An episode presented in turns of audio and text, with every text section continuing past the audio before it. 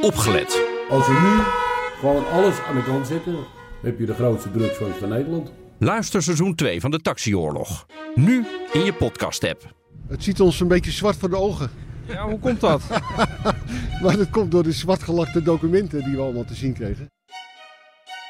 Ah, voor je gaat luisteren, eerst even dit. Ik ben Jan Posma en ik maak samen met Bernard Hammelburg de Amerika-podcast. Natuurlijk met heel veel Trump, maar ook de verkiezingen en kijkjes in de verre uithoeken van dat immense land. Je vindt de Amerika-podcast op www.bnr.nl podcast slash Amerika-podcast en op alle bekende podcastplatforms. Hartelijk welkom bij de Technoloog. Nummer 169. Herbert, welkom. Ja, en we gaan het vandaag hebben over IBM. IBM. En dat is hoog tijd. Want Nou, nou, nou. wat gebeurt er een hoop met dat bedrijf? En wat is er in het verleden een hoop gebeurd? Ja. Ze hebben zichzelf, als ik goed geteld heb, maar daar gaan we het over hebben met Peter Vermeulen. Ja. eh, een keer of vier gewoon opnieuw uitgevonden. Begonnen met schrijfmachine. Daar gaan we het over hebben. Ja. Eh, Peter Vermeulen, welkom. Dankjewel. Wat doe je in het dagelijks leven? Ik eh, ben eigenlijk de hele dag bezig met onderzoek naar de, de ICT-markt. En dan vooral binnen Nederland, maar ook internationaal. Ja, nou dan krijg je vanzelf verstand van IBM. Misschien wel aardig om te vertellen. Weet je, wij wilden dit al heel lang doen. Weet Ja. je, gewoon een bedrijf duiden, IBM in dit geval. En ik heb rondgebeld. En het is best lastig om daar iemand voor te vinden. En allemaal vorige. eh, Dat wil zeggen, IBM zal graag komen. ja, IBM wil wel komen, maar dat willen wij niet. Want Precies, het moet onafhankelijk, kritisch. eh, want, dan gaat, want IBM is natuurlijk fantastisch. Maar nou, lang gebeld. En toen kwam, kwam, kwamen we bij jou uit. Ja. Dus we, ik ben heel benieuwd. We kennen elkaar helemaal niet. Eh, nooit op de radio geweest, volgens mij. Nooit in de podcast gezeten of wel? Nee, niet. Ik ben wel eens ooit op de radio geweest, maar Oh, jammer. Ik dacht, het is echt een debuut van de debuut. Ja, wie is er nou nooit op de radio? Ja, bij iedereen, ja. Ja. Beginnen, we gaan beginnen. Ja, we gaan beginnen. Ehm, IBM ehm, begonnen dus als eh, schrijfmachinefabrikant. Hè? Of zat daar nog iets voor? Je weet maar nooit. ja, nou, ze zijn eigenlijk in de jaren 80 van de 19e eeuw zijn ze begonnen. Of toen zijn er een Ja. aantal bedrijven die waren bezig en die deden verschillende dingen, zoals eh, weegschaal, tijdsklok. eh, de eerste machines met pondskaarten en dergelijke, die, die kwamen toen op. En toen zijn die eigenlijk in 1911 zijn die samengevoegd. Vijf van die bedrijven bij elkaar gestopt. En dat eh, werd vervolgens heette dat eh, de Computing Tabulating Recording Company. Oftewel CRT. Het woord computing zat er toen al in. Eh jazeker, dat zat er toen al in. dat ging al la lettre. ja, dat was, kijk, dat was Bijzonder. rekenen. Ja. Ja, ja, nee, dat begrijp ik. Ja. Ja. Ja, ja, ja, Peter, en weet je dat samenvoegen? Was dat direct met een investeerder erbij? Of gingen ze samenwerken? Weet je daar iets van? Dat weet ik niet helemaal precies. Ik weet wel dat er zijn een paar mensen die dat hebben opgericht. En een van de mensen die er werd, werd voor gehaald om dat er een echt van bedrijf van te maken. Er was iemand die Thomas J. Watson heette. Ja. En dat maakt al een hoop duidelijk. What's dat in a name? dat zijn een heleboel mensen die zich nu gaan afvragen. Aha, dus, dus vandaar Watson. Dat heeft niks met Sherlock Holmes te maken. Eh, Maar het, het is wel... Nee, oh, op die manier. Ja, ja, Watson, eh, dat is hun kunstmatig intelligente systeem. Precies. Wat ze begonnen te gebruiken voor die quiz Jeopardy. Ja. En wat ze later hebben gebruikt, ik weet niet voor wat allemaal, voor recepten, voor dingen in de gezondheidszorg. Ze proberen het overal, overal voor te gebruiken. Ja, Ja, ja, En, ja, en je gebruikt de verleden tijd. En dat vind ik al heel erg interessant. Maar we zijn nog bij 19... ja, bij Watson verleden tijd. Komen we, komen we op. Zeker. Maar ik vind het leuk om vast te stellen dat het dus vanaf het begin eigenlijk een, een samenvoeging van bedrijfjes is geweest. En niet een bedrijf dat uit het niets is opgericht door de fameuze oprichter. Dat klopt, ja. ja. En dus niet door een meneer IBM, maar wel door een... eh, een meneer- eh, ja, door die meneer Watson onder meer. Nou, Ja. eigenlijk, eigenlijk werd hij naar binnen gehaald, maar die heeft het ook 40 jaar volgehouden. Ja, En toen hij ermee stopte, ging zijn zoon nog een keertje 20 jaar verder. zo. Dus het is eigenlijk heel lang bijna een, een dynastie geweest binnen IBM. Dat, dat, dat, dat, ja, als je nu naar IBM kijkt, dan ken je dat natuurlijk totaal niet meer. Ja. Eh, alleen ja, je ziet nog wel wat. eh, ja, je ziet bijvoorbeeld aan Watson kan je zien van dat dat, eh, waar- dat ooit vandaan is gekomen. Ja. Maar nog even, wat dan ehm, bij die oprichting, die samenvoeging van die vijf bedrijfjes, dan eigenlijk de business is geweest. Dat waren dus niet schrijfmachines. Nee, dat waren geen schrijfmachines. Dat is er wel later wel bijgekomen. Ja, Maar ehm, nee, dat was eigenlijk niet, niet de core business, nee. nee. ja. maar wat, was wel? wel? Oh. Ehm, Nou ja, weegschalen, tem- oh, eh, dat noemde je. Dus je Ja. moest bijvoorbeeld in, in die fabrieken moest je inklokken. Nou, dat machines daarvoor bijvoorbeeld. Eh, maar ook gewoon eh, ja, snijmachines voor in de slagerij. Of voor brood, broodsnijmachines. Dat soort, dat soort apparaten. En meer voor de consumer toen al of toen al B2B? Ehm, Volgens mij meer B2B toen al gelijk al, hè? toen al meteen meer B2B. Ja. Dus, dus nog wel, ook wel voor middenstanders hier en daar, maar vooral Maar inderdaad voor B2B. grote fabrieken. Dus als je denkt aan inklok, eh grote systeem, wat je, als je- als je veel data moet verwerken, dat was toen ook al niet. Dat, ja, dat deed de slager op doek zelf niet. Ja. En de naam was van oudsher dus ook niet IBM. Nee, Maar zeg het nog een keer. CTR, om het eventjes... eh, CTR. ja, nou, laten we het daarop houden. Geweldig. Dat wordt wat korter, ja. En kun je iets vertellen over de legendarische Watson? Hoe hij zijn bedrijf leidde, die 40 jaar. Wat de anekdotes daarover, die schijnen er heel veel te zijn. Ja, er zijn wel wat interessante dingen gebeurd. Nou, kijk, hij, hij kwam van NCR, een bedrijf wat we nog steeds wel kennen. ja, van de, wel wat, ja, eh, pinnen, van de pinautomaat, toch, NCR? Ja, NCR is ook van, van een geldautomaat. Ja, geldautomaat, pinautomaat, En, eh, ja. Maar goed, maar die hebben ook eigenlijk... eh, eh, eigenlijk heeft, dus meneer Watson heeft bij NCR heeft die, heeft die de klappen van de zweep geleerd. En ook geleerd van hoe zet je nou echt een groot commercieel, industrieel bedrijf op een technologiebedrijf. Hoe doe je dat? Hoe geef je de salesmensen hun targets mee? Echt echt een, een modern commercieel bedrijf. En Dat heeft hij erin gestampt. En hij heeft ervoor gezorgd dat dat bedrijf dus ergens heen ging. Eh, nou, en dat, dat heeft hij vervolgens. Vond hij, hij vond dat, dat, dat compu, compu- Computing Tabulating Recording Company. vond hij eigenlijk ook helemaal niks als naam. Dus dan zei hij eigenlijk in 1924: jongens, we maken er International Business Machines van. Ja. En De- dat Dus het was echt een businessman dus. was echt een businessman, een commerciële man, echt. Dus niet eh, iemand die in hetzelfde. De, de, nou, het was wel iemand met een technologische Jawel. achtergrond, maar echt, het- hij, hij maakte de, de, de- een echte ondernemer. Gaaf. Ja. Oké. Ehm, toen kwam de, toen kwam de, wanneer kwam de schrijfmachine? Wanneer kwam de schrijver? Ik weet niet wanneer de schrijfmachine komt. dus ik, ik, ik kijk natuurlijk vooral naar computers. Dus dan, dan probeer ik, ja, dan duik ik wel in die historie van een bedrijf van goh, waar komt dat vandaan? Maar waar, Ja. waar die typemachine dan precies zit, ik ben het eerlijk gezegd niet. Nee, oké. Goed. Ehm, wanneer, Maar dan de eerste zaadjes van die computer. Kun je die aangeven? Ja, nou die zaten er natuurlijk al in. Met, ja, kijk, het begon natuurlijk met de ponskaart. Ja. Daar, daar begon het al mee. Dus dat was al. eh, dat, dat, daar waren men eigenlijk, al, eigenlijk zo rond 1850 zo'n beetje kwam dat al op. En zij waren gewoon een van de bedrijven die daar wat mee deden. Net zoals bijvoorbeeld een NCR, bijvoorbeeld. Pondskaarten in 1850. Ja, Maar dan niet voor computers. nou ja, nou, ja dat, dat waren zeg maar de, de voorlopers van de computers. Kijk, in, in, Ja, in 1911 tuurlijk. Ja, of ja, ja. 1924, toen maakte IBM ook nog geen computers. Die computers Maar ik, zit wel even te denken, waar waren die pondskaarten nou voor? Ik, ik weet wel dat draaiorgels, ik herinner me nog als, als kleine jongen dat ik zat te kijken naar draaiorgels die op een soort pondskaarten werkten. Hè, van die boeken die door dat ding getrokken werden en waar de muziek dan in geschreven stond. Maar wat voor apparaten eh werkten dan verder met pondskaarten? Nou, rekenmachines bijvoorbeeld. Ja, ja. Ja, Me- ja, ja. Mechanische rekenmachines. Mechanische, tuurlijk, ja. Jemig.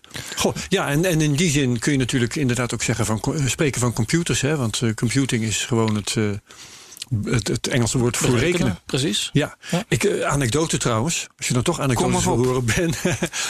Eh, tijdens de Tweede Wereldoorlog eh, hadden ze in de Verenigde Staten het Los Alamos project. Daar werd de atoombom bedacht. Ja. En ehm, daar, ik weet niet hoe ver ze toen waren, op, welk, eh, op welke manier ze rekenmachines gebruikten. Maar ik weet wel dat ze daar rekenden met klasjes vol met dames. Ja. Dit verzin ik niet. Nee, weet ik. Ja, klopt. En eh, ze- eh, ehm, de beroemde natuurkundige Feynman. Die eh, had onder andere als functie om zo'n klasje met dames te dresseren, zal ik maar zeggen. Dus dan eh, verdeelde hij een rekenprobleem over al die dames. Het was parallel processing, zal ik maar zeggen. En eh, in een van zijn boeken vertelt hij dan, dat hij dan op een gegeven moment... dan zat iedereen start, eh, start, start klaar.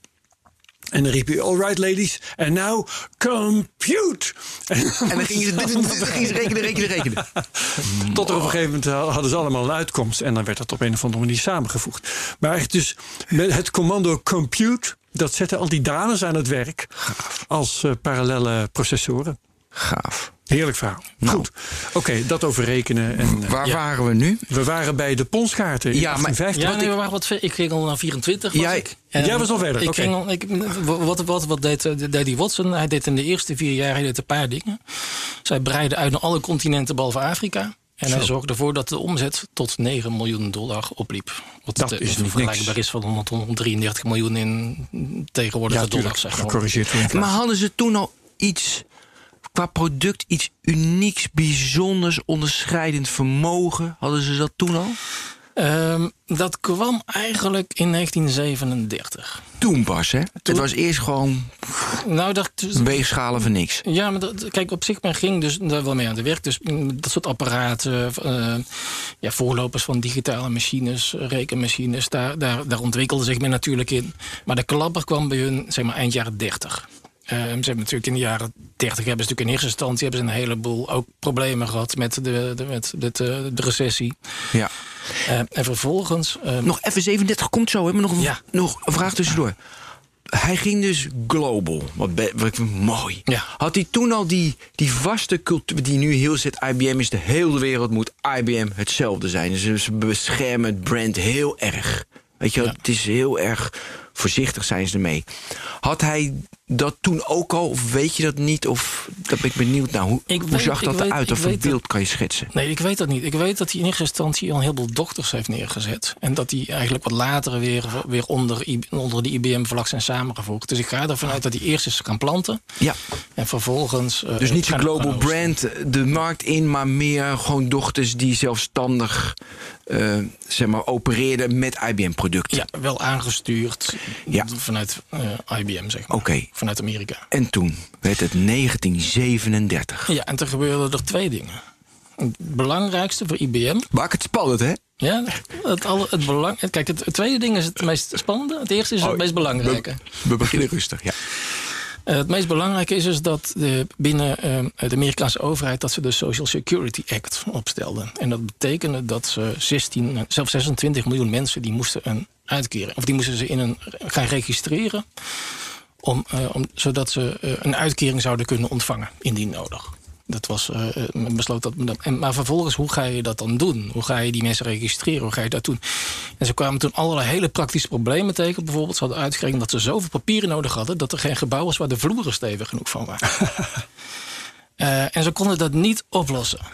Totdat iemand zei, ik denk dat IBM het kan oplossen. En dat kon IBM oplossen. En eh, toen, heeft, toen, is, toen is IBM's omzet is toen exponentieel gaan groeien. En hoe loste IBM dat op? Met hun machines. Met hun, eh, eh, ja, dat is toen nog, nog, ja, nog altijd hun mechanische machines. Het waren toen nog geen computers op die manier. Maar dat, die werden daarvoor ingezet, zodat je echt alles gewoon goed kon. en administratie. Ja, dus de mensen kregen zeg maar een ponskaart, die 16 miljoen. En dan kwamen ze bij de gemeente en daar stond een machine van IBM. En dan konden ze makkelijk registreren. Ik, nou, ik denk niet dat ze een ponskaart kregen. Ik Nee, denk ja. meer dat, dat ze vervolgens naar een, naar een, eh, bijvoorbeeld naar een balie kwamen. Dat ze daar informatie op geven. En dat iemand dan vervolgens die informatie weer opschreef. En dat dan iemand anders vervolgens daar weer naar die, naar die grote machine toe ging.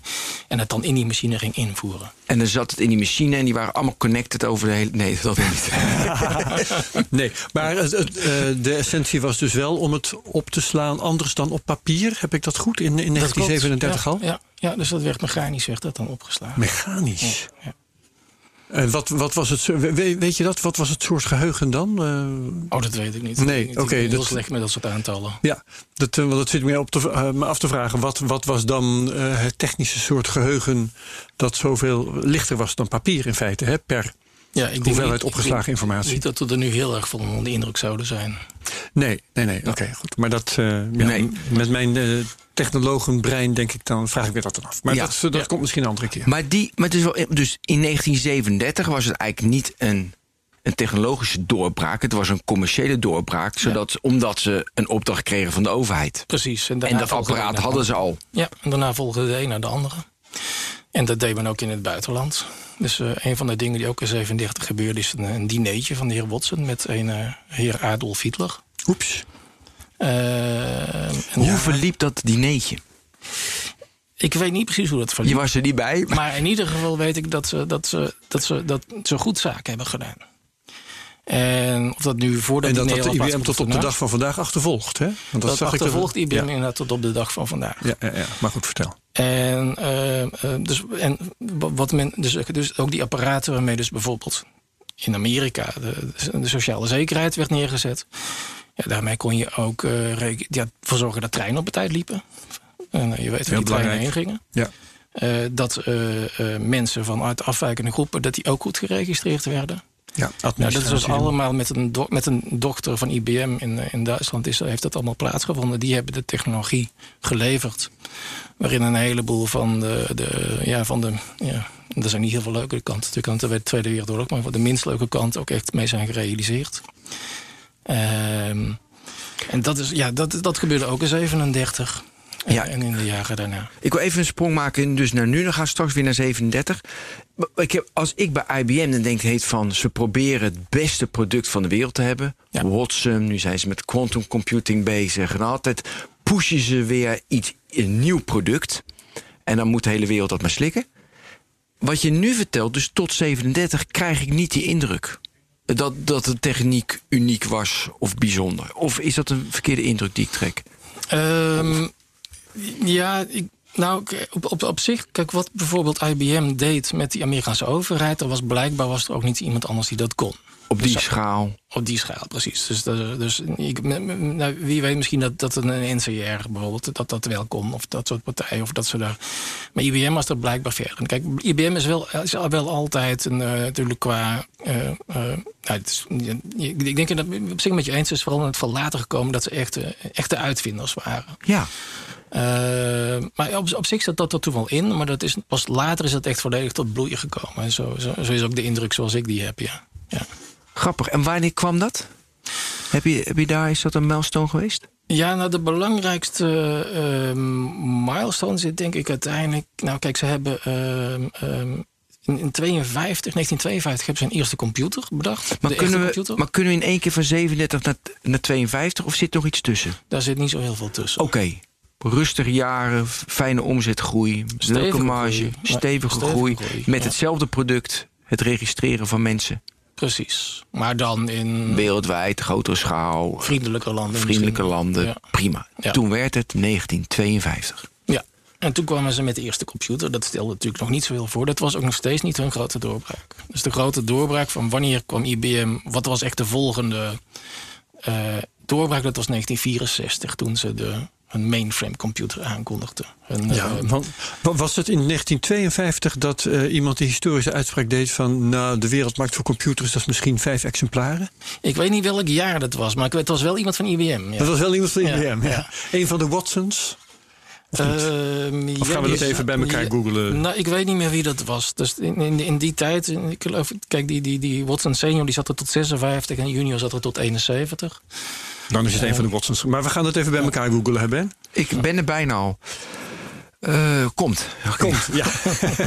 Oké, dus in 1952 eh, ging IBM een computer maken. Ja, System 360 heette dat. Oké. En ehm, hoe groot was het succes daarvan? Wat, wat werd daarmee gedaan? Eh, Dat, dat is eigenlijk de, de, de, daar, daar ligt eigenlijk de oorsprong van de moderne computing. Dus daar, ligt, daar is de, de, de, de, de mainframe geboren. En met, die, Ja. eh, en met wat IBM daar heeft neergezet, hebben ze ook tot nou, zeker begin jaren 80 de hele computermarkt gedomineerd. Waarin ze gewoon constant eh 70, 80, in het begin meer dan 90% marktaandeel hadden. En gewoon bepaalden wat, wat, ja, hoe die wereld eruit zag. Ja, dus IBM heeft in feite de computer gecommercialiseerd. Ja. Ja, Die, eh, die, die, die uitspraak was van Thomas Watson, president of IBM in 1943. En toen zei hij: I think there's a world market for. Oh, nou krijg ik een banner eroverheen. Wat is dit verschrikkelijk? Zo Over slecht. commercialiseren gesproken. Nou, wat erg. Voor maybe five computers. Doe toch een En, adblocker, en ik heb alle adblockers, geloof ik. Nee, ik heb eh, Ghostery, ik heb adblocker. Dat krijg ik bij pcworld.com. Zo van die verschrikkelijke dingen. Dat is ook een verdienmodel. Kom op, zeg. Oké, Ze zijn gewoon slimmer dan jij. Oké, 1943, veel slimmer. Eh, 1943 was dat. Maar toen Dat kwam pas die 43. computer in 52. Ja, dat heeft dus nog even geduurd. Dus toen bedachten ze inderdaad. Dus vandaar dat ze ook even de tijd ervoor namen. Als je Ja. dacht van wat ons commercieel model is om er vijf eh, te verkopen. Mhm. En Dus in 64 kwam de, de, ja, de, de System 360 en dat was echt weer het nieuwe, de nieuwe groeifase die, eh, die, ze, ja, die hun eigenlijk een dominant maakte in de wereld. En waardoor alle ogen eh, vervolgens hun kant werden eh, opgezet. Ja, ja. Oké, dus IBM domineert dan de, de wereldmarkt van computers. Ja, vanaf 1964, dus dat is ehm, meer dan 50 jaar geleden alweer. ja, Ja, 56. ja. Ja. Ehm, en ik heb er heel veel vragen nog over. Eh, ja, was oh, nou, laten we dan daar nog even blijven. Ja, dus in 56, dus zij hadden dan een product eindelijk dat uniek was, toch? Wat, wat verder niemand had. Dat ja, mag je wel zeggen. Ja. Nou ja, kijk, ik, ik, pro- ik probeer eventjes te bedenken van, van waar, waar- hadden zij de, de, de enige of zijn, waren ze gewoon de enige die echt wisten commercieel? Volgens mij zijn ze het enige die, die inderdaad gewoon een, een, eh, kijk die, die, die, die System 360 dat was de eerste commerciële computer. Dus die, de eerste computer die je ook kon verkopen. Eh, dus ik kan niet uitsluiten dat er al een paar computers waren van, eh, van, van, eh, van wat andere partijen. Of dat ze daarop vervolgens volgden. Maar goed, IBM wist dat wel meteen zo te pakken en zo goed te doen. Dat ze daarmee ja, in één keer gewoon werelddominantie wisten te realiseren. Ja, dus het product was goed en ze waren al heel goed in de cultuur van wereldwijd. Dus dat lukte. Ja, Was het 62, het groeide als een tierenlier, dus er kwam de hele de cultuur en de blauw, dat werd overal geïmplementeerd. Hadden ze Ja. ook het geld voor en de macht voor. ja. Was er daarna nog iets wat gebeurde en na 62? 64. Toen, Eh, dat, oh, dus twee jaar later al. Ja, nou in 64 hebben ze die, die computer Oh, geïntroduceerd. Dat was die System 360. Ja, ja precies. Ja, in 52 hebben ze eerst de computer Twee, ik gebouwd. zat even twee jaar daarnaast. 64. en toen? Wat er eigenlijk toen gebeurde is dat men toch begon te zien van... goh, die IBM doet het zo goed, moeten we, niet, eh, moeten we daar niet eens wat mee gaan doen? Dus dan kwam, toen kwam inderdaad de antitrust kwam om de hoek kijken in Amerika. Ja. En dat heeft geduurd tot, eh, ja, tot begin... Even kijken, wat, nou- dat is van, van 69 tot, tot... Ik geloof tot 1982 al eventjes uit mijn hoofd. Het heeft Dat die antitrustzaak heeft geduurd. Ja, en toen is hij uiteindelijk, hebben ze hem laten vallen. En het heeft, ze hebben het eigenlijk zo lang weten te rekken... totdat de markt zo was veranderd dat IBM geen marktdominantie meer had. Dat klinkt bekend, want zo heeft Microsoft dat in feite ook gedaan in Ja. de jaren negentig. Ja. Ehm, wat, eh, op wat voor manier eh, maakte IBM Monopoly misbruik? Nou ja, de- kijk, dat is de vraag. Kijk, wat zij, wat zij deden, of wat ze in ieder geval ook gewoon werd, werd verweten, is dat zij, ehm, zij leverden niet alleen de computer, maar dus ook de software en ook de diensten eromheen. Het was Ja. gewoon één totaal pakket. Als je een Ja. computer koopt, ko- je kocht alles. Ja. Ehm, en dat is ook een van de dingen die ze hebben aangepast. Niet ineens, niet ineens omdat ze verplicht werd, maar ze hebben uiteindelijk vrijwillig gezegd van oké, we gaan het systeem gaan we loskoppelen van de software, gaan we loskoppelen van de diensten. En dat is wel interessant, want dat maakt het ook voor een heleboel andere partijen aantrekkelijk om op die markt zich te gaan begeven. Dus je Ja. hoeft er niet alleen maar, je hoeft niet eerst die enorme computer te bouwen en een grote productielijn. En een heel eh, systeem eromheen, maar je kon ook bepaalde keuzes erin maken. Dus er kwam, op die manier kwam er ruimte voor, voor, eh, eh, voor andere Dan partijen. kon je software gaan maken voor IBM computers. Ja, en toen is, toen, toen is de wereld eigenlijk zeg maar, ook gaan veranderen. Toen, begon, toen werd de wereld ook steeds meer een softwarewereld... in plaats van een, een eh, computerwereld of een hardwarewereld of systeemwereld. Over welk jaar praten we nu? Eh, nou, dan, heb, dan hebben we het over... Toch veel later? Ja, dan, dan hebben we het zeg maar over de jaren tachtig. Ja, precies. Het was, Ja. Dat is veel later. In het begin deed natuurlijk al- alles was geïntegreerd. Ja, precies. En, maar dus aan het eind van die, hele, zeg maar, van die hele periode van antitrust... wat ontzettend veel aandacht van management heeft gekost... aandacht van investe- geld ook gekost, eh, advocatenkosten natuurlijk... eh, die ze allemaal veel beter hadden kunnen investeren. Natuurlijk in innovatie en in, nie- in nieuwbouw. Want tegelijkertijd zag je dat allerlei... dat al die, die mid-range en mini-computers opkwamen. Ja, want de minicomputer was, was nog steeds een vrij groot ding. Eh, eh, s- s- merken zoals DEC, eh, later van Digital, overgenomen door Compaq. eh, een, heleboel, eh, een heleboel concurrenten die op de, de, de, de markt kwamen zitten... die wat lager zaten dan die mainframe, de gewoon iets kleinere computers. Eh, ja, toen veranderde het allemaal. Goed, en in, in die periode heeft men uiteindelijk gezegd... van, we gaan die dingen inderdaad uit elkaar trekken. Dus we zetten so- eh, eh, software eh, gaan we apart doen... diensten gaan we apart doen, enzovoort. Maar eigenlijk omdat ze werden verplicht door de regulering... en niet dat ze zelf zagen van het moet, mo- het moet meer modulair zijn. En we moeten faciliteren en ze moeten op ons platform bouwen. Nou, het werd ze niet verplicht, maar... ehm, Veel eh, druk. de- van- vanuit de druk om, om, om, om, dat te doen, dus om, om ei- eigenlijk om, aan te, om, om te laten zien van wij, eh, nee, we zijn heel aardig en lief en we geven ruimte aan iedereen, hebben zij dat, die dingen uit elkaar getrokken. Ja. Ja, en het, het fascineert mij hoor, want eh, ik heb altijd wel geweten dat IBM een antitrustproces aan zijn broek heeft gehad, maar eh, nooit echt in verdiept. En wat jij nu vertelt, dat, dat rijmt zo met die antitrustzaak van Microsoft. Hè. IBM eh, merkte, vertel je net, dat, dat het allemaal maar vreselijk veel geld kost en het slokte hun aandacht op en ze hadden veel beter kunnen innoveren ehm, eh, als concurrenten hadden toegelaten, bijvoorbeeld alternatieve software of alternatieve diensten hè, van, van derde partijen. Het is precies allemaal ook van toepassing op Microsoft. Dan ga je toch denken, had Microsoft niet gewoon de geschiedenisboekjes iets beter kunnen lezen? Ja, in de maar, jaren 90. maar Microsoft heeft die turnaround wel kunnen maken. En naar mijn IBM idee... Nou, heeft hem ook gemaakt. Ja, maar niet gemaakt. goed. Nee. Oh, sorry. Ze hebben, ze hebben, nou, ze, uiteindelijk, ze hebben, op een bepaald moment hebben ze het goed. Nou ja, hebben ze in ieder geval een hele nieuwe groeifase ingericht. Maar kijk, eerst wat er nog een beetje doorheen liep, was natuurlijk de opkomst van de PC. Ja, En de PC is, PC is een IBM-term. Een personal computer. Ja. Eh, dus dat, eh, IBM heeft dat, heeft de ding ontwerpen, hij heeft dat zelf ontworpen. Je had natuurlijk inderdaad ook al eerder had je de, de Apple II had je ook al. En je kon in Alter had je bijvoorbeeld, maar dat zat, daar zat dan nog geen Ja, dat beeldschermpje bij. echte computer, naar onze huidige Eh, maatstaf. maar goed, eigenlijk de Apple II was een beetje de eerste. En vervolgens kwam, kwam IBM kwam daarbij om de hoek kijken. En die, eh, die dachten, wij willen ook een persoonlijke computer willen we bouwen. Dat noemen we dan inderdaad een PC. Eh, eh, dus en, en, en ze hebben dat eigenlijk, ze hebben daar in eerste instantie heel, zijn er heel succesvol in geweest. En toen vervolgens ging alles weer ondersteboven, omdat ze toch een paar cruciale fouten erin hebben gemaakt. welke? Ze slaagden er niet in om een eigen besturingssysteem te bouwen. en toen moesten ze kloppen dus aan bij een van hun softwareleveranciers, eh een Microsoft, Ja. met Bill Gates. En die zei van, goh, kan jij dat? Kunnen jullie dat niet? En die zei, ja, natuurlijk kunnen wij dat. Dat was niet waar. Nee, dat was niet zo. nee, precies. Maar hij wist wel, hij heeft wel voor 50.000 dollar heeft hij een, eh een besturingssysteempje overgekocht van een ander bedrijfje. En dat heette Kudos. En dat betekende letterlijk Quick and Dirty Operating System. ja. En die idee van DOS is nog steeds daarvan. Dus als je het hebt over DOS, dan betekent het eigenlijk Dirty Operating System. Ja. Eh, en maar in dat contract bedong eh, Bill Gates een heel belangrijk ding: dat hij het ook aan anderen mocht verkopen. En zo geschiedde. En vervolgens waren er, eh, zijn er een heleboel, en dat heette toen PC-clones of IBM-clones, kwamen er op de markt. Een heleboel merken kwamen op de Die waren veel goedkoper natuurlijk. Die concurreerde IBM helemaal de prijs naar beneden. En IBM zat nog steeds in. Er was nog één staartje van die antitrust cultuur blijven bij ze. En dat is dat IBM nooit onder de prijs van een product iets zou verkopen. Ja. En dat deden die andere clubs natuurlijk wel. Dus. IBM werd uit zijn eigen markt werd, werd, werd, werd gewoon uitgedonderd. Ja, maar dat is dus, vind ik, super boeiend. Want eerst is alles er is geïntegreerd.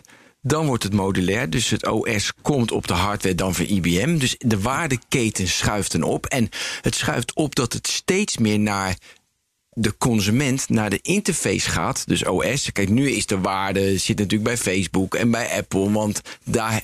Want daar inter, eh, dus die hebben de interface. Dus dat was eigenlijk het begin van het opschuiven naar boven toe.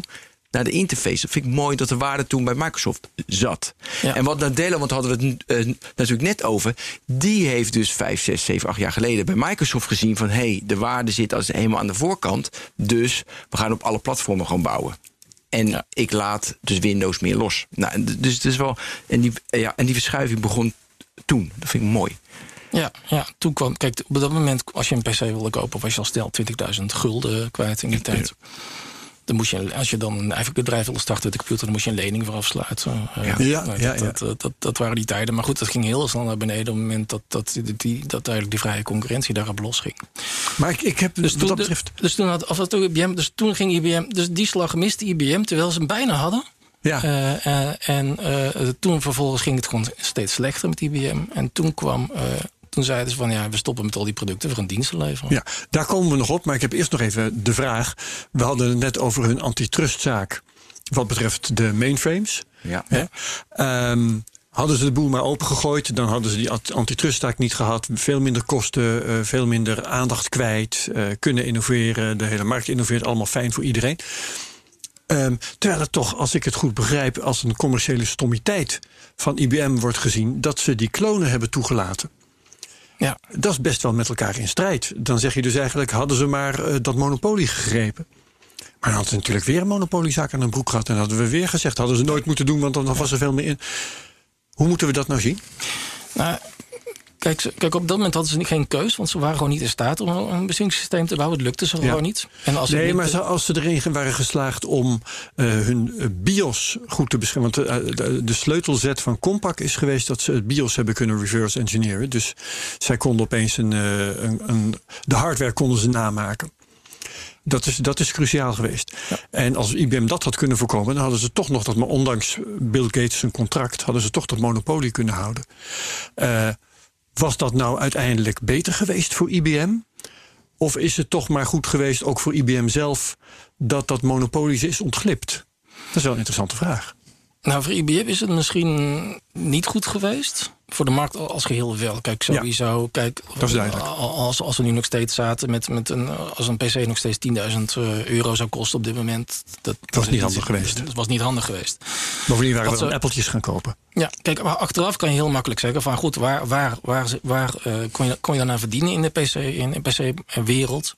En dat zit, zit aan de softwarekant. Dus we hadden eigenlijk veel actiever moeten bedenken, oké, van wat, uh, um, wat, wat, wat, wat, voor applicaties moeten we bouwen? Zij, ja, precies, naar de voorkant toe, de interface. Ja. IBM had gewoon die, die, uh, de, de, de beste um, spreadsheet moeten, moeten ja. maken, de, de beste tekstverwerker moeten maken. Uh, Want dat is leuk, hè? OS Windows, die gingen dat ook maken. Dus die gingen nog meer opschuiven. En daarom was het natuurlijk helemaal zo, do uh, ja, dus zo dominant. Ja, Bill Gates ja. begreep dat wel. Ja. ja. Ja. dat, dat, dat, dat, hebben ze gewoon helemaal gemist. Ja, maar dat zat natuurlijk bij IBM helemaal niet in de cultuur. Want ze bouwden volledige systemen. Een weegschaal zat in de cultuur. Volledig systeem. En dat verkoop ik. En ja. toen het modulair werd, ja, dan wat is onze positie dan? Ja, maar dat, het idee, dat denken bestond ook nog niet. Want het, was, het geld verdien je met het systeem. Dat dacht niet alleen IBM, dat, dat, dat dacht iedereen. En dat er dan iemand. Uh, het was dan fijn dat, dat, je dan, ja, dat iemand dan een, een, een spreadsheet daarop bouwde en daar patiëntjes aan verdiende. Dat was heel hartstikke fijn voor ze. En dat is leuk als die dat met je meedeed. Van ja, want dan kun je apparaten, ver, apparaten verkopen. Ja, ja zo, zo, zo werkte dat gewoon. Dus dat, dat, dat, ja. het was, het was een, een, een, een wereld van dozenschuiven, zeg maar. Ja, dat was heel succesvol. Um, goed, maar waar is, even kijken hoor, de, de, het verkopen van systemen is uiteindelijk dus niet meer winstgevend gebleken. Niet voor IBM en uh, trouwens ook niet voor anderen. Want je kunt wel zeggen. Nee, voor iedereen. Nee. IBM had die klonen moeten verkopen, maar het was vroeg of laat natuurlijk sowieso misgegaan. Ja. Um, wanneer hebben ze ook weer die PC-divisie verkocht? Die hebben ze in. Um, wanneer was het? Ja. Ik weet het even niet meer in mijn hoofd. Ik, maar die hebben ze. Zoek hem op. Ik wil even die uh, over jij zegt, uh, dus, dus, dus waar de waarde zit. Nou ben ik vergeten waar hij CEO was, die man. Maar dat is de smiling curve. En die wil ik even noemen. Dus er zit nog wel waarde helemaal aan de linkerkant. Als je de patent hebt, de IP. Daar zit waarde. Als je alles bij elkaar bakt. Weet je, gewoon je collect alles, je bent een aggregator. Daar zit geen waarde. En aan de rechterkant, dus een smile, smile, dan komt er weer waarde als je dat contact hebt met die klant. Want die klant betaalt. Weet je, als je de interface bent. Ja. Dus dat zie je ook met IBM. Dus ja, je, uiteindelijk moet als je heel veel IP hebt. Dan, dan kan het nog, want dat verkoop je. Ja. Hebben we vorige week over gehad. Uh, of je moet aan de voorkant zitten. Wat natuurlijk uh, Google, Facebook, Apple en Microsoft nu zitten. Ja. Dus dat vond ik wel aardig. Maar ik weet ja. hoe. Ik, het was ook een, uh, was een, een chipbouwer, naam ik even kwijt. Doet er niet toe. Ja. Waar zitten we nu in, in de chronologie? We zitten in 2004 als ze hun PC-divisie verkopen aan Lenovo. Okay. Dat, heb ik, dat heb ik even opgezocht. ik had 2005 in mijn lijntje. Ik had oh, Oké, okay. nou, dat is ja, dichtbij. Ja. Maar wat, wat hebben ze dan tussen al die jaren? Al die jaren ging het gewoon slecht. Toen uh, steeds minder waarde erin. En toen moesten ze een rigoureuze beslissing nemen. En dat was maar die PC-divisie verkopen. Hadden ze toen al consultancy services en al die dingen? Die hadden ze wel. Die zijn ze alleen. Kijk, ze hebben. Uh, uh, ze zaten op zich. Ze waren eigenlijk al de grootste IT-dienstverlener. Dat, was, dat kwam eigenlijk een beetje voor het feit dat ze dat hadden afgesplitst van die systemenbusiness. En daarin zijn ze flink doorgegroeid. Maar ze hebben toen in 2002 hebben ze dat een beetje geprobeerd te complementeren door, door PricewaterhouseCoopers Consulting over te nemen.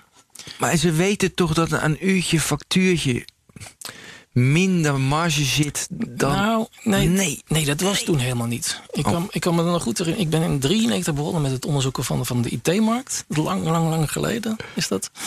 En uh, toen kwamen we eerst met het jaar 2000 probleem... en vervolgens met de introductie van de euro bijvoorbeeld. En dat waren, dat waren uh, hoogtijdagen voor de uurtjes... voor de, voor de, voor de handjesfabrieken. Ja. ja. Dus ik kwam goed in 98 groeide die markt in Nederland bijvoorbeeld meer dan 23 procent, heb ik toen berekend. In één hmm. jaar groeide dat. En dat, dat groeide gewoon met double digit groeide dat, groeide dat al een aantal jaar. En dat bleef nog wel een paar jaar double digit doorgroeien. Uh, dus dat, dat, en dat, daar sprongen ze op in, want ze dachten van, oh, dat is wel aardig, dat blijft wel. Ja, en dat, heette, dat was heel interessant. Ze noemden dat toen, ik, ik geloof dat ze dat toen ook on-demand noemden. Dus dat, ze steeds, dat computing moest steeds meer on-demand worden. Alleen in IBM-termen was on-demand zoveel mogelijk mensen, uren schrijven. Uren schrijven, mensen schuiven. Ja. Het was een beetje de, de uh, cloud avant la lettre. Dus we hadden toen wel, hadden het wel over dingen als utility computing. Dat kwam al een beetje op. En uh, ASP's hadden we ook al. Dus die wereld begon een beetje vorm te krijgen. Dus we begonnen door te krijgen, de wereld wordt on demand... maar zij vulden dat in met uurtjes. Ja, en Sun had dat uh, slimmer bekeken trouwens. Hè. Die riepen al, van, nou, als het niet in de jaren 80 was... dan was het wel in de jaren 90. De network is de computer, weet je nog? Ja. En die was, uh, Sun was een van de eerste die um, rekentijd online begon te verkopen, volgens mij. Nou, dat is echt al uit de begintijd van de mainframe-wereld. Want er waren mainframes zo duur dat niemand ze kon kopen. Ja, dat is natuurlijk waar. En dan, dus de timesharing is, is, uh, dat is eigenlijk de eerste. Uh, nou ja, dat is ook, zeg maar, je zou ook cloud ervan een letter kunnen kopen. Van je, gaat, je neemt de computer niet mee, maar je gaat naar de computer toe. Ja, maar uh, Sun deed dat, um, en dan, dat zou ik ook moeten opzoeken hoor, deed dat op een gegeven moment via internet, ja. hè, op grote afstand. Ja. En dat was in de jaren 60 uh, met de mainframes was daar natuurlijk geen sprake van. Dat je bij een, he, bij een willekeurige aanbieder uh, via een of andere online uh, toestand dat je rekentijd kon inslaan. Mm, Volgens nee, mij. Nee. Nee, maar goed. Um, jouw vraag, Ben, over de omzet van IBM. Even de, wat feiten en cijfers. Kom maar op. IBM zijn omzet heeft gepiekt in 2011. Mm -hmm. Dus dat is zeven jaar na het verkopen van de PC-divisie. Um, en de aandelenprijs heeft gepiekt in 2013. Daarna gaat het bergafwaarts. Hebben ze toch nog. Ze, na dat verkopen van de PC-divisie is het toch nog een tijd heel erg goed gegaan. Daar houden ze het toch lang vol. En bedrijf houdt het altijd veel langer vol dan je denkt. Dat is zo. Nou, ja. Ze zijn echt. Kijk, de, de, de omslag die ze hebben gemaakt naar dienstverlener, dat, is, dat, dat, dat was eigenlijk een, een schoolvoorbeeld van hoe je. Um, van, van een, uh, een succesvolle turnaround. Ja, ja hoe je een bedrijf uh, herdefinieert. Ja, ja. ja. En je, je, ziet ook op dit moment is uh, van de huidige omzet is 57% komt uit diensten. Dus IBM en, en oh ja, en voor de duidelijkheid, 7%, of nou nog 10% komt uit systemen. Zo. Dus, de, dus dat was ooit 100. We praten, ja, precies. Dus we praten heel graag over IBM als de mainframe-fabrikant en de, de, de IP-producent. Uh, nou ja, ze, leveren, ze leveren sowieso drie, ze doen sowieso drie keer zoveel aan software dan dat ze aan systemen doen. Maar die diensten, dat is toch ook, uh, dat is toch niet alleen maar dat er een, uh, een consultant uh, iets programmeert voor je. Dat is toch ook dat ze gewoon ruimte verkopen op een snelle computer. Dus dat, want dat ja, verstaan ze ook onder dienst. Clouddiensten. Ja, maar ik, ik was pas bij, was wel gaaf. Ik was bij uh, gebouw van ABN AMRO hier, hier in Amsterdam. En, had, en daar had IBM gewoon van die, de meest snelle computer van de wereld staan. En dan mochten studenten mochten daar mee werken en rekenen. En uh, vonden ze mooi. Dus weet je, dat soort diensten bieden ze ja, natuurlijk ook aan. Daar halen ze niet zo gek veel uit. Nee, ik kan me ook niet voorstellen. Kijk, maar... Ze verdienen vooral aan uh, een advisering. Verdienen ze nog steeds een hoop aan consulting. Want consulting ja. in de IT-wereld is vaak ook is eigenlijk geen advies, maar dat is vaak gewoon iets doen, in elkaar zetten, zorgen dat het klopt. Ja, nou, dat, dat kan uh, dus ook zijn, want dat was Ben's vraag volgens mij. Um, Echt niet. Dat het. dat uh, de uitkomst van de consulting is uh, uh, hier dit, dit systeem dat wij jullie kunnen verkopen, dat is waarschijnlijk het beste voor jullie probleem. ja, dat, dat heet dan pre-sales. consulting vaak oh, wel, hoor. Consulting kan je er nog aan toevoegen. Uh, dat, dat, klopt inderdaad. Maar, maar kijk, zij verdienen eigenlijk vooral de laatste jaren heel veel. Maar zijn outsourcing hebben ze heel veel verdiend. Eigenlijk van grote bedrijven. Ja. Nou, wat eigenlijk vooral zeggen doen, ze zijn heel dicht tegen hele grote bedrijven gaan aankruipen. Daar zitten ze heel sterk in. Dus zij roepen ook altijd van ja, wij kunnen. Uh, uh, we kunnen met elke CEO kunnen we om tafel. Mm -hmm. dat, dat, klopt, dat kunnen heel veel andere IT-bedrijven niet. Ja, als dat nou je onderscheidend vermogen Nou, dat is precies het probleem wat we nu hebben. Van dat ze daar wel zitten, maar dat daar de vernieuwing niet vandaan komt. Nee. Kon, maar dat was wel heel belangrijk op het moment dat zij uh, meer geld wilden verdienen. Bij de banken bijvoorbeeld, bij, bij grote overheden, bij uh, andere grote bedrijven. Op het moment dat jij met de CEO om tafel komt en zegt van... Goh, wij kunnen jou helpen met, je, met, met jouw problemen. Uh, we willen niet alleen met je IT-problemen, maar wij begrijpen hoe dat past in je business. Als die CEO, jou, als jij het vertrouwt van de CEO, dan, ja, weet je, dan kunnen al die IT-mensen roepen wat ze willen, maar dan ga je met IBM en zij. En dat, ja. dat, dat, is, dat is waar zij, zij hun geld aan verdienen. En tegelijkertijd is dat ook altijd een worsteling geweest. Want ze, ze zijn, zijn er zo goed in, zeg maar, die Global 2000, daar zitten ze heel, heel sterk. Maar daaronder zijn, slagen ze er maar niet in om een goed model te bedenken om middelgrote bedrijven om die goed te Ah, bedienen. Of, of het MKB. Ja. Ze, ze, uh, uh, is, ja, voordat ik mijn eigen onderzoeksbureau had, werkte ik bij IDC. En eh, ook een, een wereldwijd onderzoeksbureau waarvan IBM was een van de grootste klanten. En ik heb een, en om het vijf jaar moesten we weer een nieuw onderzoek doen naar hoe ze het kanaal konden opzetten, omdat ze het maar niet, niet, niet in slaagden. Ja, ja, ja. dus, dus ehm, in feite het MKB, eh, daar is, eh, dat weet IBM niet te vinden. Nee. Of moet je zelfs zeggen dat IBM niet de juiste papieren heeft om het MKB te bedienen, bijvoorbeeld omdat zijn prijzen te hoog zijn, ik noem maar wat. Nou, ik, ik, ik- kijk, voor een deel is dat gewoon dat ze daar gewoon een duidelijke focus op hebben. En vervolgens wordt er dan altijd gekeken, goh, waar moeten we onze groei van halen? Want een van de grote problemen natuurlijk de laatste jaren is dat die grote enterprises, die groeien niet, die krimpen eerder. Ehm, dus die, eh, eh, en, en ook van al die partijen waar, I- waar, waar, waar ze, die, ze volle- die volledig zeg maar, allerlei IBM-apparatuur en, en software binnen hebben, die zeggen nu ook van oké, we hebben nu zoveel on-premise staan, we gaan, maar we gaan om onze eigen data, daar gaan we niet meer groeien. We gaan nu als we willen uitbreiden, gaan we uit de cloud gaan we wat afnemen. Ja. En eh, nou ja, die slag heeft IBM natuurlijk behoorlijk gemist. Dus dat, pro- Ja. die proberen ze nu een beetje in te halen. Want dat gaat allemaal naar Amazon en Microsoft op dit moment. Ja, Amazon en Microsoft, Google laak- sta- die slaagt er ook steeds beter in om er een stukje van mee te nemen. Eh, al- alhoewel de vraag blijft. Nou, Google geeft zelf ook toe. hè, Maar als we het over, over een paar jaar niet een, de, nummer 1 of 2 zijn, dan stappen we er ook gewoon uit. Juist. Maar waarom heeft IBM dat ook weer gemist? Ik zeg ook, maar waarom heeft het gemist? Dat heeft cloud? precies te maken. Kijk, zij zijn eh, hun hele businessmodel ook vanuit. Dat is een beetje waar ze, waar ze ingerold zijn. door zich zo ook op, in die dienstverlening te storten. Ze hebben ze gezegd: van, we gaan die hele grote bedrijven. die gaan we supergoed bedienen. Daar zit het meeste geld. Die investeren ook het meeste in technologie. Dus daar kunnen we. En daar zijn ze ontzettend heel erg goed in geworden. En daar hebben ze dus een hoop geld aan verdiend. Maar waar komt nou de innovatie vandaan de laatste jaren? Die komt niet vanaf de bovenkant, die komt vanaf de onderkant, vanaf de zijkanten van de organisatie. Eh, on- ontwikkelaars, eh, of zelfs vanuit de business units waar mensen met, met cloud gaan experimenteren. Ehm, Ja, maar Eh, als jij de beste dienstverlener bent en je zit bij een groot bedrijf. Ja. Je adviseert, noemen ze even heel groot. eh, ik weet niet waar IBM zit. Wat is de grootste? Coca-Cola. Coca-Cola. Dus dan, dan ben je een goede dienstverlener. En ook Coca-Cola, die moet naar de cloud. Ja, dan is het handig als het de IBM cloud is voor IBM. ja. Maar goed, joh, desnoods is het niet, want je bent een goede dienstverlener. Dan maar naar Azure of dan maar naar AWS. Ja. Want je bent een goede dienstverlener. Dat klopt. Maar dat dat, begrijp ik dus niet. nou, dat doen ze, dat proberen ze. Dat is ook van waar, waarom, waarom bijvoorbeeld Red Hat om kon komen. Alleen we het probleem daarmee is, het probleem Ja. daarmee is, is dat nu staan die datacenters vol met IBM-apparatuur. En op het moment dat je zegt: Oké, we zijn een goede dienst. Als dienstverlener gaan we je helpen om de cloud in te gaan. Dat betekent dus dat we al die IBM-apparatuur uit, uit gaan zetten. En dat we naar Microsoft gaan, naar Amazon. En daar staat geen IBM-apparatuur. Een conflict of interest. Nog even dit, want ik had echt. Want kijk, toen ze, we moeten het even over Red Hat hebben. Ja, open source. Als ik kijk naar Red Hat, dan is dat een bedrijf. Heeft IBM gekocht eh, voor heel veel geld, hartstikke slim. Maar Red Hat is een bedrijf. Een klant heeft een probleem. ah, eh, zeg maar Coca-Cola heeft een probleem. Wij lossen het voor je op. En hoe we het oplossen, of we met Microsoft gaan werken, of met Google, of met AWS, of met welke tools dan ook. Het maakt me niet uit. Ik zorg voor Coca-Cola voor de beste oplossing. Die mentaliteit vanuit mijn gezichtspunt, heeft IBM veel minder. IBM is veel meer van, ja, dat moet wel in de cloud van IBM staan, want dan staan de IBM-apparatuur en dan verdienen we meer geld. Dus dat is veel meer push vanuit hun eigen producten. En daarom lijkt het me ook een hele, een hele lastige merger. Hoe kijk jij daarnaar? Nou, ik denk dat wat I- met IBM dat het wel meevalt de laatste jaren. Kijk, ik gaf je al aan, zo, zoveel systemen verkopen ze eigenlijk helemaal niet meer.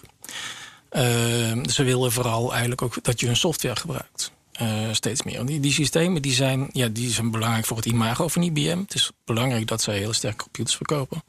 Maar uiteindelijk, is dat, ja, uite- uite- uiteindelijk draait het daar niet zo om. En zij, zij geven nu al aan, ze zijn een paar jaar geleden, hebben ze al gezegd, zijn ze gedraaid van wij gaan niet meer onze eigen cloud pushen. Ze hebben eigenlijk dus toegegeven, onze cloud je redt het niet.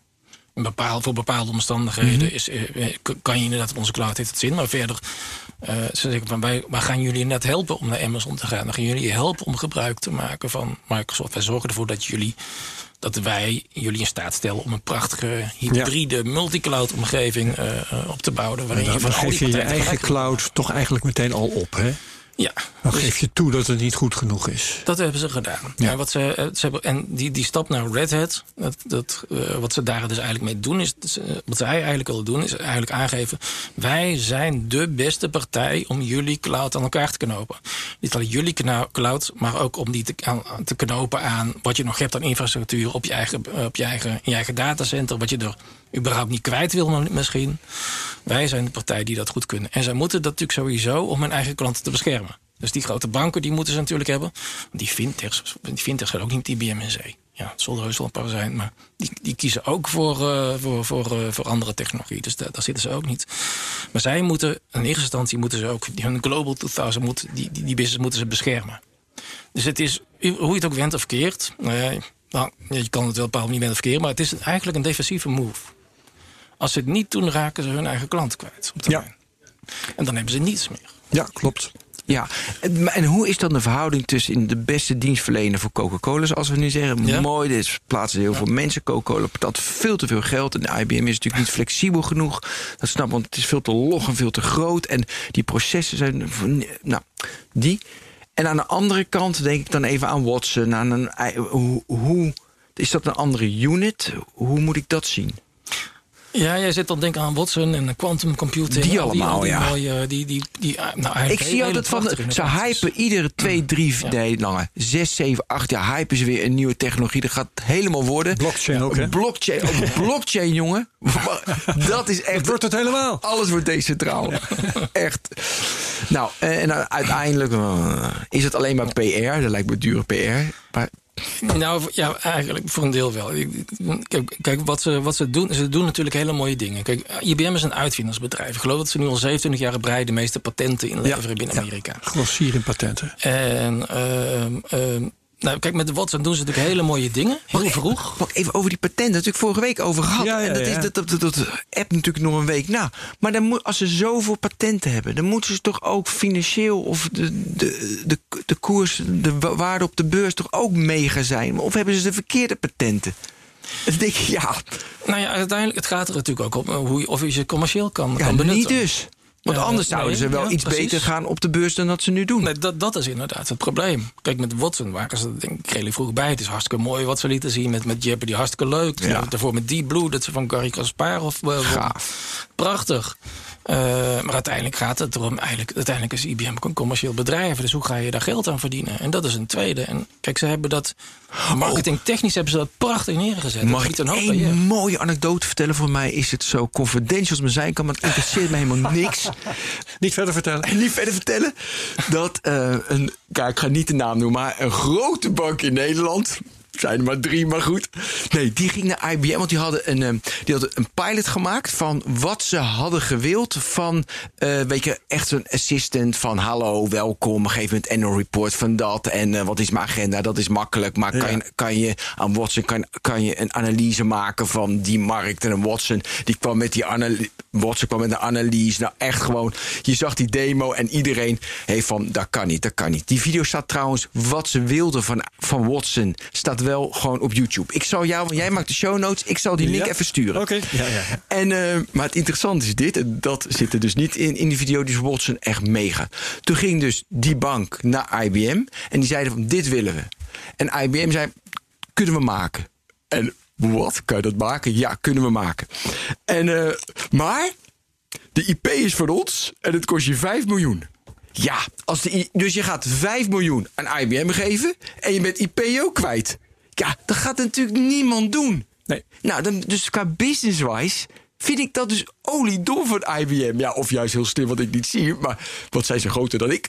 Maar snap je dus dat vond qua business IP. Ja, maar weet je, stel je nou voor Ja. hoe het eh, had kunnen gaan. Hè? IBM geeft dat IP weg. Dat wil zeggen, het zit in het pakket voor die 5 miljoen. Dus Ja. Die bank koopt dat. Wordt een mega succes. En die Ja. bank verdient schatten aan dat IP. Dan gaat jarenlang gaat de hele industrie het vragen van... weet je wat IBM... Die hebben dat IP ervan weggegeven. Ja. Stom, hè? Ja, nee, dat weet ik, Herbert. Maar dan doe je toch het eh, 20% van alles. Hoe je, weet je, ik ga mee, ik, Ja, eh, ik wil je resellen, je, deelt delen. het. En Ja. weet je, dat soort dingen. Maar dan, toen ik dat verhaal hoorde, toen dacht ik, ja, logisch dat Watson niet zo van de grond is gekomen zoals we allemaal denken. Want ge- geen één bedrijf gaat dat natuurlijk doen. Ja, nou Nou ja, dus, ja. ga- we gaan door. Eh, wa- eh, waar waren Nou, wat, wat wel goed is om eh, van dat Watson vast te stellen... dat het commerciële, commercialiseren daarvan blijkbaar toch lastiger is... Ja, dan ze even hebben gedacht. Ja. Want ja, het werd op recepten losgelaten... en het werd op de gezondheidszorg losgelaten. En uiteindelijk was die demo in Jeopardy toch het, het mooiste en het beste... wat ze ermee hebben kunnen doen tot dusver. Ja, dus, ze zullen ongetwijfeld nog een heleboel mooie cases eh, kunnen laten zien. Maar ze, ze, zitten, ze zitten gewoon duidelijk ook niet alleen in die markt. Nee. Uiteindelijk gaat het gewoon, gaat het gewoon om, om eh, ja, hoe, hoe kan je ongestructureerde data verwerken? Hoe kan je gesprekstaal verwerken? Hoe, bijvoorbeeld, hoe kan je daar slimme dingen mee doen? Nou ja, daar, daar, daar, daar zijn een heleboel bedrijven Dat die kunnen Google en Amazon nu ook. Google en Amazon kunnen dat. Eh, nee, in China kunnen ze dat natuurlijk ook steeds beter. Ja. Eh, eh, en, eh, ja, en dan komen we toch ook weer bij dat cloud-verhaal uit. Van, van kijk, waar, waar, ga, waar wil je dat dan gaan doen eigenlijk? Dus waar ga je slim met data omgaan? Op het moment al die data naar de cloud gaat. ehm, eh, en je wil vervolgens al die data weer gaan analyseren. Dan kan je het uit de cloud halen. Dan kost je cloud met geld. Want het is goedkoop om het in de cloud te zetten. Maar eruit te halen is best lastig. Ja. dus, je gaat, dus wat ga je doen? Dus je gaat al je AI ga je ook in de cloud zetten. Eh, eh, en met, met wie doe je het dan? Nou, dan ga je nou, met Microsoft praten. Dan ga je met Amazon praten. Precies. eh, Google praten. En, ja, en die, die, die kunnen dat ook heel goed. En die kunnen ook bijvoorbeeld, wat ze ook bijvoorbeeld beter doen. Nou, iedereen, nou niet iedereen, maar steeds mensen hebben dan thuis gewoon zo'n slimme home speaker bijvoorbeeld staan. Nou, ik, ik- er- ik heb, je, hebt er een, je hebt Alexa van Amazon, je hebt er eentje van Google. Microsoft heeft Cortana, geloof ik. Ja, Ja, Toch? zo heet die. Ja. Waar is die van IBM? Waar, waar is je Watson? Waarom staat Watson niet in mijn kamer? Ja. Staat er niet. En, maar daar kom je er toch op uit, Peter, dat de zet van IBM in, wat was het dan, 2004, om vol in te zetten op diensten en eh, veel minder op andere poten, dat die niet zo slim is geweest.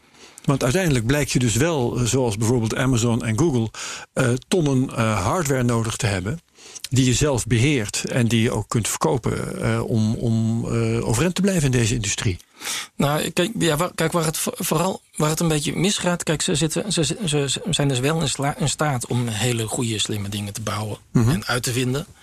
Ehm, ehm, maar ze zijn aan de, helemaal aan de bovenkant van de markt gaan zitten. En dat is, Ja, die grote bedrijven, En dat is niet zei. hoe je innovatie de markt binnenkrijgt. Ja. Eh, en dat is, dat, dat is waar het grootste Ah, ja. pijnpunt zit, eh, volgens mij. Van dat zij, dat, dat zij ja, gewoon niet weten hoe kunnen wij.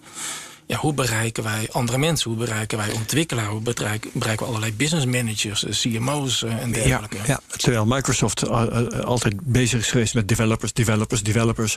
En terwijl Ja. Amazon op een gegeven moment de standaard oplossing was voor start-ups. Die vanzelf eh, groeien, en tenminste sommige daarvan, en dan Amazon blijven kunnen vinden. Ja. Dat is dan een betere strategie als het een bewuste strategie is geweest. Maar in elk geval, dat pakt goed uit. Nou, je merkt dat daar gewoon heel veel groei in zit. Kijk, Ja. kijk, je ziet, kijk, nog steeds groeit. Ik geloof dat eh, eh, Azure groeide, geloof ik, met meer dan 60% nog steeds vorig jaar. Eh, Amazon weet ook nog steeds in de cloud met meer dan 40% per jaar te groeien. Nou, dat vlakt natuurlijk allemaal een beetje af omdat het steeds groter wordt. Maar dat zijn nog steeds idiote percentages. Om, zeker als je bedenkt dat die, dat die markt al meer, meer dan 10 jaar bestaat eigenlijk. Dus het groeit nog steeds heel hard. Ja. En dan kan IBM heel hard roepen van ja, wij groeien ook met eh 10% in de cloud, bij wijze van spreken. Maar dan, ja, dan, dan, dan mis je de boot als je maar met 10% groeit in zo'n markt. Ja, ja, ja. Ehm, dat doet me trouwens denken, en dat wilde ik je net nog vragen toen je het had over IBM, dat vooral eh, contacten, on- warme contacten onderhoudt met grote bedrijven, hè, met alle CEO's om de tafel. weer. Ehm, is dat zo vooral door het Old Boys Network? Of is dat zo vooral doordat IBM echt de problematiek van grote bedrijven goed begrijpt? Wat is daar cruciaal? Ehm, ja, het is een beetje een combinatie, maar het is vooral gewoon, dit is vooral een kwestie van heel slim goed netwerken. Ja. En ehm, nou ja, het is ook wel een van de gevleugelde uitspraken die we heel weinig horen de laatste jaren is van er is nog nooit iemand ontslagen omdat hij IBM heeft gekozen. Ja. Die, die hoor je niet zo vaak meer de laatste tijd. Nee, dat is niet meer waar, begrijp, Nee. begrijp ik van je. Nee, maar dat is. Nou ja, ik, ik zal niet zeggen dat de mensen worden ontslagen omdat ze IBM kiezen. Dat is weer een. Dat is Nee, iets nou. Nou, Maar- dat zit eraan te komen.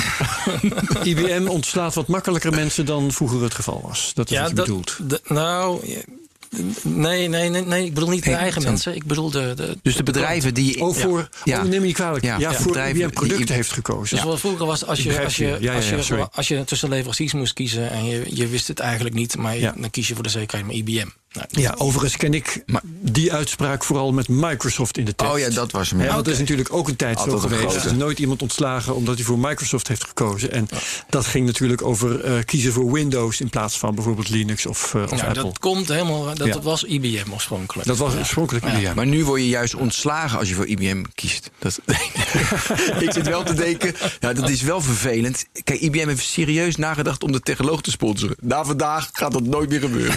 dat is wel een nadeel. Zo kunnen we elke technologie kunnen we weer een lijstje... Kunnen we weer een bedrijf schrappen? Nee, maar ik bedoel, weet je, het gaat me natuurlijk helemaal niet om. Ik wil leren, want je gaf me net echt een inzicht, vond ik echt prettig. Dat die, want ik zat gisteren op de, weet je, Azure Marketplace. Dus dan zie je weer, Microsoft maakt het weer mogelijk voor andere bedrijven om op die marketplace van Azure tools te bouwen en die zijn makkelijk te gebruiken. Je, dat is de innovatie. En je gaf me echt goed en ik had ik nooit aan, nooit aan gedacht dat het zo, zo belangrijk is. Als je alleen maar op de grote corporates, dat, dat blijft te traag. En dan ga je niet mee. Die had ik nooit meegenomen in mijn analyse. Dus bedankt. Dus het gaat me meer om de analyse dan natuurlijk om IBM. Het is maar een middel. Maar ja, het is wel de vraag dan: wat moet IBM nu gaan doen? Wij zitten er hier ook gewoon om, Ja. Om daar iets over te zeggen. Ja. Nou ja, er zijn een paar dingen die ze denk ik moeten doen. Kijk, wat ze nu. ehm, eh, wat ze met Red, kijk, als ze Red Hat goed weten te integreren en dat werkt, dan kunnen ze ehm, een heel belangrijk deel van, eigenlijk van, van, van, van hun bestaansrecht met die grote bedrijven kunnen ze daarmee waarborgen. Ja. Kunnen ze Eh, heel goed en- leveren. Ja, dus ze kunnen inderdaad heel goed leveren. Ze kunnen ervoor zorgen- ze, dus dat, dat gaat prima. Tegelijkertijd, als ze dan alleen nog op dat, zeg maar, in hun eigen kringetje blijven zitten, dan hebben ze nog steeds met een, met een, met een krimpende wereld te maken. Ja. Eh, omdat ze, kijk, ze kunnen wel al die hele integratie verzorgen. Ze kunnen ervoor zorgen dat die applicaties die je in de cloud zet, dat, dat, dat ze die bouwen, dat ze die, eh, dat ze die nou, met OpenShift uiteindelijk dus in containers netjes eh, kunnen, kunnen orchestreren en dergelijke. Maar ja, het, volume van wat erachter gebeurt, dat, dat, ja, dat, er zijn gewoon andere partijen die daar het meeste van profiteren. Die echt, die echt de volumes weten te realiseren. Dus ze kunnen daarmee een, een, een, een, ja, een behouden, ja, of redelijk, in ieder geval redelijk behouden hun eh, hebben ze daarmee ja, wel mee te pakken. Eh, maar wat ze moeten doen is inderdaad, ze moeten naar die volgende stap. Dus als ze willen groeien, dan moeten ze inderdaad die innovaties, die moeten ze te gelden maken. En heel eerlijk gezegd, denk bijvoorbeeld quantum computing. eh, dat is leuk, dat, is, dat, is, dat, dat jaar, gaat hem niet worden. Nee, dus 10, 15 jaar. Maar ik zie toevallig, want ik zat net op Azure Marketplace. Ik ging, ik tikte in Watson Marketplace. En ze hebben inderdaad AI tools voor business. Dus ze hebben een Watson Marketplace. is natuurlijk niet, het ziet- weet je, dan hebben ze gewoon eh, Watson Discovery, Watson Text-to-Speech, Watson Assistant. Dus een standaard dingen. Het ziet er niet zo marketplace-achtig dat echt heel veel bedrijven, weet je, ze kunnen die marketplace niet faciliteren dat developers dat ook echt gaan doen. Dan is het weer highbrow enzovoort. Ik hoor het ook weinig in de markt dat dat gebeurt. Maar ik zou ook zeggen, dat is natuurlijk wel voor de kortere termijn, ja, dat meer stimuleren. Want als ze echt zo goed zijn, dan kunnen ze toch makkelijk eh, Microsoft of Google daarmee uit de markt drukken. Als ze echt goed zijn. Hoop ik. Ja, ja, Kijk, ik wil die sponsor weer terug. Hè? Dus nu weer positief. Nee, trouwens, als je het echt snapt, dan ga je juist wel sponsoren. Want dan, dan heb je het lef, weet je wel, dat mensen alle kanten laten zien. Zo. Maar dit terzijde. Ga door. Nou, kijk, op, alles draait op platforms op dit moment natuurlijk. Hè? Dus op het moment dat jij, dus, dus, eh, ehm, op het moment dat jij kiest voor een, voor een Azure-ecosysteem of een Azure-platform, dan, is, ja, dan, heeft, dan kan Microsoft daar min of meer in sturen, zeg maar. En ik ken zeker heel veel, veel zeg maar, middelgrote Nederlandse organisaties. En dat, ja, dat, zijn, dat zijn niet zo heel, zijn een paar grote organisaties, maar een heleboel middelgrote. En die zeggen dan gewoon van ja, weet je, wij eh, met, met, met, met, met Microsoft, met Azure, dan hebben we eigenlijk gewoon alles wat we maar kunnen bedenken, wat we willen. Van, van, Klopt. eh, er er wordt ook wel, er wordt, IBM kan hem roepen van je moet een eh, multicloud of een, een hybride cloud of weet ik veel wat. Maar als ik gewoon voor Microsoft kies, dan zit alles erin. Of als ik voor Amazon kies, er zit ook alles in. Er was een tijd dat, dat je best het ene ding het beste in Amazon kon doen en een andere weer in Google en dan, dan, dan iets anders in Azure. Maar die platforms die zijn voor de meeste bedrijven gewoon voldoende. Dus, genoeg. Dus, die, dus dat is verdeeld. Weet je, d- d- Ja. dat kunnen we ook in 2020 dan Ja. misschien concluderen. Dat is al verdeeld. Zoals Android iOS is verdeeld. Azure AWS, Google probeert het nog, eh, maar nog twee jaar. Dan is dat ook verdeeld. Ja. Oké, IBM willen we weer heel groot maken. We vinden quantum computing nog iets te ver weg. Nou, het, ik vind, het is niet eens dat ik het te ver weg vind. Ik denk niet dat, kijk, wat quantum computing gaat natuurlijk een dingen veranderen. Maar om nou te zeggen dat je, eh, dat je eh, kijk, ik ga er meestal vanuit van dat je, dat je een bepaalde verschuiving hebt van ja, waarmee creëer je waarde? Ja. Ik creëer niet per se waar. Ja, uiteindelijk is het wel heel belangrijk dat je computer steeds sneller, steeds beter, weet ik wel wat wordt. Het gaat uiteindelijk om de toepassing, Ja. om de data, hoe je daar slimme dingen mee, hoe je dingen kan veranderen.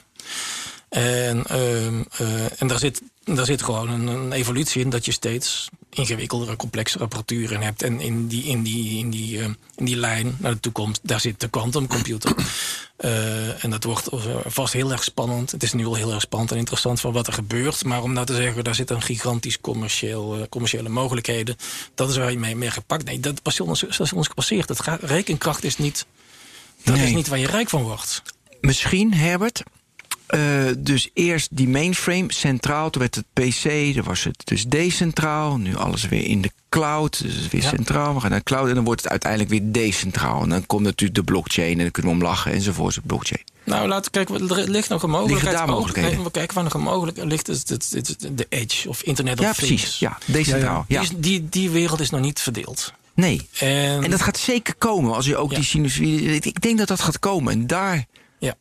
En dat, daar zijn natuurlijk een heleboel partijen die daar, die daar ook, op inspelen. Ja, iedereen Eh, ziet dat. Ook vanuit eh, eh, nou ja, ook partijen als, als, als Siemens, die meer vanuit industriële automatisering komen.